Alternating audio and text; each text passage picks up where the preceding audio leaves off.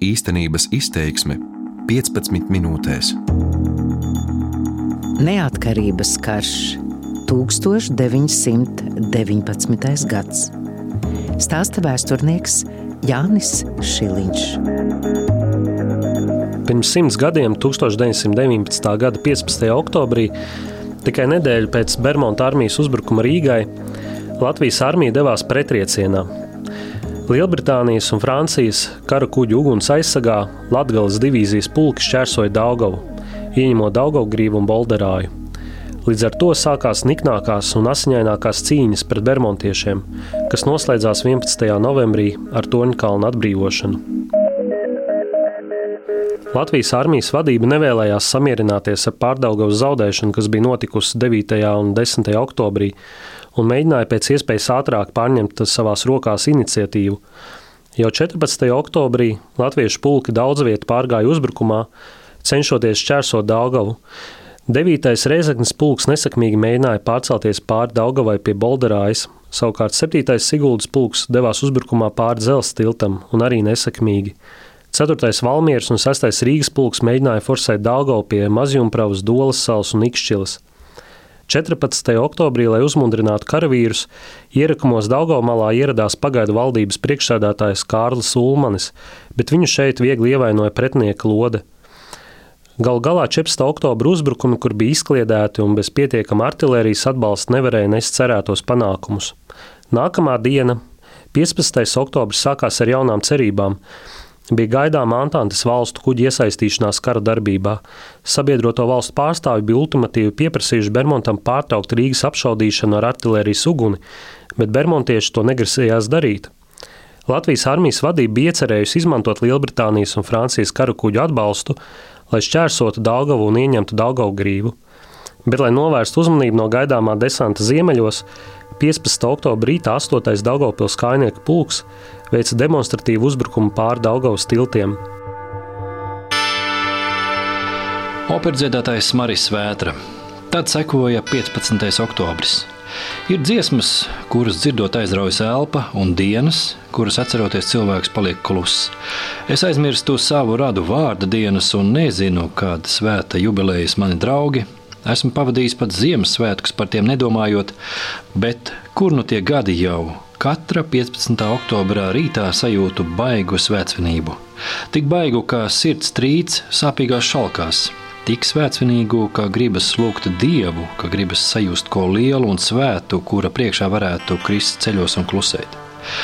15. oktobrī mēs gājām pāri Daugavai, pāri dzelzceļa tiltam. Mēs, ne es, puse mūsu rotas. Mūsu pirmais vārds ar abiem jaunākajiem virsniekiem, Leitnantu Jirgensonu un Leitnantu Fichtenbergu, aizgāja arī seržants Zanders, virsseržants Māķens. Kaprāls Prēlis un 30 citu, kuri bija mazāk piedzīvojuši, kuri bija jaunāki, bet ar vēl lielākām cerībām uz dzīvi. Arī man bija jāiet, jo es skaitījos pirmajā vadā, bet rotas komandieris, kura vietu uz tilta ieņēma mūsu otrā vada virsnieks, man pavēlēja palikt pie viņa. Visi viņi pārgāja un pazuda. Atpakaļ neatnāca neviens. Tur palika gara rinda zēnu un lielo kāru izgājušie veterāni. Tur zvēriski sakropļoja leitnantu Fichtenbergu. Uzbrukums pār dzelzceļa tiltam bija nesakmīgs. Astotais Daugopils kājnieku pulks atkāpās ar lieliem zaudējumiem. Desmitās rotas vats, kuram bija izdevies nokļūt pretējā krastā un pat ieņemt pretinieku ierakumus, tika ielēgts un vairāku stundu niknā kaujā pilnībā iznīcināts. Karavīri cīnījās izmisīgi, viņu rokās bija kritis arī ienaidnieki mīnmetējs ar munīciju, kuru nu vērsa pret bermontiešiem.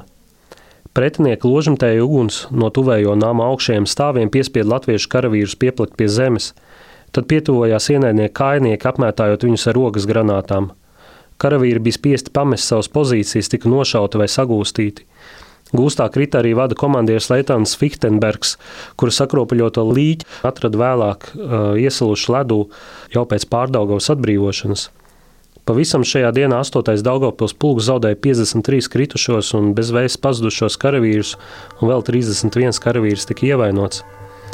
Baigo noskaņu pirms 15. oktobra uzbrukuma spilgti savā atmiņā ir atainojis Maris Vētra. Durvīs parādījās Leitnants Fittenbergs, bāls negulējis, nāvis priekšnojauta pilns. Viņa komanda nebija skaļa, bet skanēja kā lūgums. Celties, kārtoties, Nekad neesmu ko līdzīgu vairs dzirdējis. Tas nevilkās ilgi, un arī mēs dziedājām divdūņus, šo drausmīgo dziesmu, šo šausmīgo melodiju, kura vēl tagad pat man, dziesmās un melodijās nodrāstam cilvēkam, liek nodarbēt un noliek galvu. Es pats arī šo dziesmu vēl tagad nevaru dziedāt, nevaru pabeigt. Mēs gājām bez apstājas cauri vecpilsētas šaurajām ielām uz dzelzceļa tilta uzbērumu. Skaists rīts, man teica virssežants Māķens. Žēl, ka pēdējais. Viņš bija gluži balts, bet smaidīja. Tilta galā atskanēja īsa komanda un rota pārdalījās. Soļos marš komandēja Fichtenbergs, un viņam sekoja pelēki balti cilvēki. Kā šodien redzu vēl kaprāļa preļa sakostās lūpas, redzu vēl mūsu vienīgā ebreja mīnca izgāztās krūtis, redzu, kā pēdējo reizi atskatās seržants ģermanis, redzu svētā nāves miera pārņemto virsseržantu māķenu, redzu manu jauno pagājušās nakts kaimiņu ar stiklainu skatu uz priekšu, traucoties, redzu garu rindu jaunu stāvu, kas viegli salīkuši un jaunajos zabakos viegli klibojot pazūd uz tilta. Gan arī vienlaikus ar asiņainās un neveiksmīgās kaujas pie dzelzceļa tilta baigo noslēgumu sākās veiksmīga desanta operācija Daugaugrīvā un Bolderājā. Angļu un franču kara kuģi bija izkārtojušies iepratim Daugaugrības cietoksnim, kur atradās Bermontiešu pirmais plastunu pulks. Tā bija viena no nedaudzām Bermonta armijas Krievu vienībām. Krievu karavīri pat nenojauta, ka Angļu un Franči pret viņiem varētu atklāt uguni. Viņi nezināja par Bermontam nosūtīto ultimātu un arī nezināja, ka pretējā Daugavas krastā latviešu vienības jau gatavojas uzbrukumam. Kapteinis Jānis Čīsels atceras, mazai gaismiņai austot, ģenerālis Bērts un vēl kāds angļu virsnieks paņēma mani savā automobīlī un noveda pie Sarkandāgaus tilta. Tur atradās kāda angļu karakuģa motorlaiviņa, kurā bija novietota arī beļģu konsula kundze ar meitiņu. Abas vēlējās pārcelties uz angļu transporta kuģi Princese Margarita. Uz šo kuģi jau bija aizbraukušas vairākas ārzemnieku ģimenes, glābdamās no Rīgas bombardēšanas. Tikko iesākām braucienu, kad vairākas granātas iekrita kanālā un ar saviem sprādzieniem sacēla augstus viļņus. Konsula kundzes meitiņa sāka raudāt, un es redzēju, ka arī mātei, kur to bija piespiedusi pie krūtīm, pa vaigiem ritēja asars. Tomēr drīz vien sasniedzām Milgrāvi un novietojamies kādā sarga mājā. Pūksteni 12. angļu majors Kīnans atgriezās no iznīcinātāja Abdula, uz kura bija iekārtots viņa kauju štābs, lika man noiet pie Bolsteina vīriem un pateikt, ka taisni pūksteni 13. sabiedroto flote atklāšot viesuļuguni pret Daugaugrības cietoksni. Pēc kādām desmit minūtēm majors Kīnans man iedeva angļu matroža mēteli, jo tagad bija jābrauc gar pašu bermontiešu degunu. Iesēdāmies motorlaivā un devāmies uz Daugaugrīvu. Pretim vecajam cietoksnim un vēl gabaliņu augstāk bija novietojušies garā rindā astoņi sabiedroto iznīcinātāju kuģi, bet tālāk jūrā varēja saredzēt divus angļu kreiserus un dažus transporta kuģus. Mani sagaidīja kuģa Dragon komandieris kapteinis Mārtiņš. Vecs piedzīvojis kaujās norūdīts virsnieks, viņš paskatījās pulkstenī un noteica: Vēl piecas minūtes, un mēs atklājam uguni. Dodiet kartes un norādiet mērķus. Pirmie lielgabalu šāvieni atskanēja pulksten 13.15. Angļu un franču karakuģu viesuļuguns ar varano britu kreiseri Dragonu priekšgalā pārsteidza bermontiešus un radīja viņos paniku. Flotes uguns aizsargā Daugavu ar kuteriem steidzās forsēt 9. reizeknas kājnieku pulks. Septiņus nelielos kuģīšus vadīja jūrnieku rotas karavīri ar virsleitnantu puķīti priekšgalā. Daugaugrības cietoksnī tas nesagaidīja nekādu pretestību. Aptuveni 300 apduluši krievu karavīri padevās gūstā. Tik iegūtas arī trofejas - 500 šautenes, 25 ložmetēji, 2 mīnmetēji un 1 lielgabals. Pretinieks atkāpās Lielupas virzienā, kur tam izdevās ieņemt jaunas pozīcijas. Bolderājā Latviešu vienības sastapās ar lielāku pretestību, bet ieņemto placdarmu pakāpeniski izdevās paplašināt. Turpmākajās dienās uz Daugaugriju un Bolderāju pārcēlās pārējie Latvijas divīzijas pulki, 7. Siguldas pulks un 8. Daugopils pulks. Šie spēki atradās sabiedroto flotes uguns aizsardzībā. Tādēļ pretinieku uzbrukuma mēģinājumi bija neveiksmīgi, tie sabruka iznīcinošajā angļu un franču karakuģu ugunī. Pavisam kaujās pie Rīgas piedalījās 17 angļu un franču karakuģi, tā skaitā divi kreiseri. ar pavisam 65 lielgabaliem un 2,5 tūkstošiem jūrnieku. Deviņi angļu jūrnieki krita un pieci tika ievainoti, kad 17. oktobrī angļu kreiseri Dragona trāpīja vairāki bermontiešu raidītie lādiņi. 15. oktobra desanta operācija bija pirmā lielā Latvijas armijas uzvara cīņā pret Bermontu. Latviešu spēki bija ieguvuši izdevīgas pozīcijas tālākiem uzbrukumiem, apdraudot pretinieku kreiso flangu un aizmuguri. Arī vācu izstrādātais plāns, kas paredzēja nostiprināšanos Daugavas kreisajā krastā, līdz ar to bija izgāzies. Un Bermuda armijas sakaušana vairs bija tikai laika jautājums. Protams, ne Bermuds, ne Vācu dzelzceļa divīzijas komandieris Majors Jozefs Bišovs nedomāja padoties. 15. oktobra uzbrukums bija arī pēdējā ģenerāļa Dāvida Sīmansona uzvara Latvijas armijas virspavēlnieka amatā. 60 gadus vecais ģenerālis tika vainots 9. oktobra neveiksmīgajā kaujā, kas bija maksājusi pārdaugavas zaudēšanu. Tomēr šie apvainojumi nebija īsti pamatoti. Lielā mērā, pateicoties ģenerāļa aktīvajai rīcībai, Latvijas armijas atkāpšanās tika apturēta pie Daugavas, un Rīga nebija jāatstāja.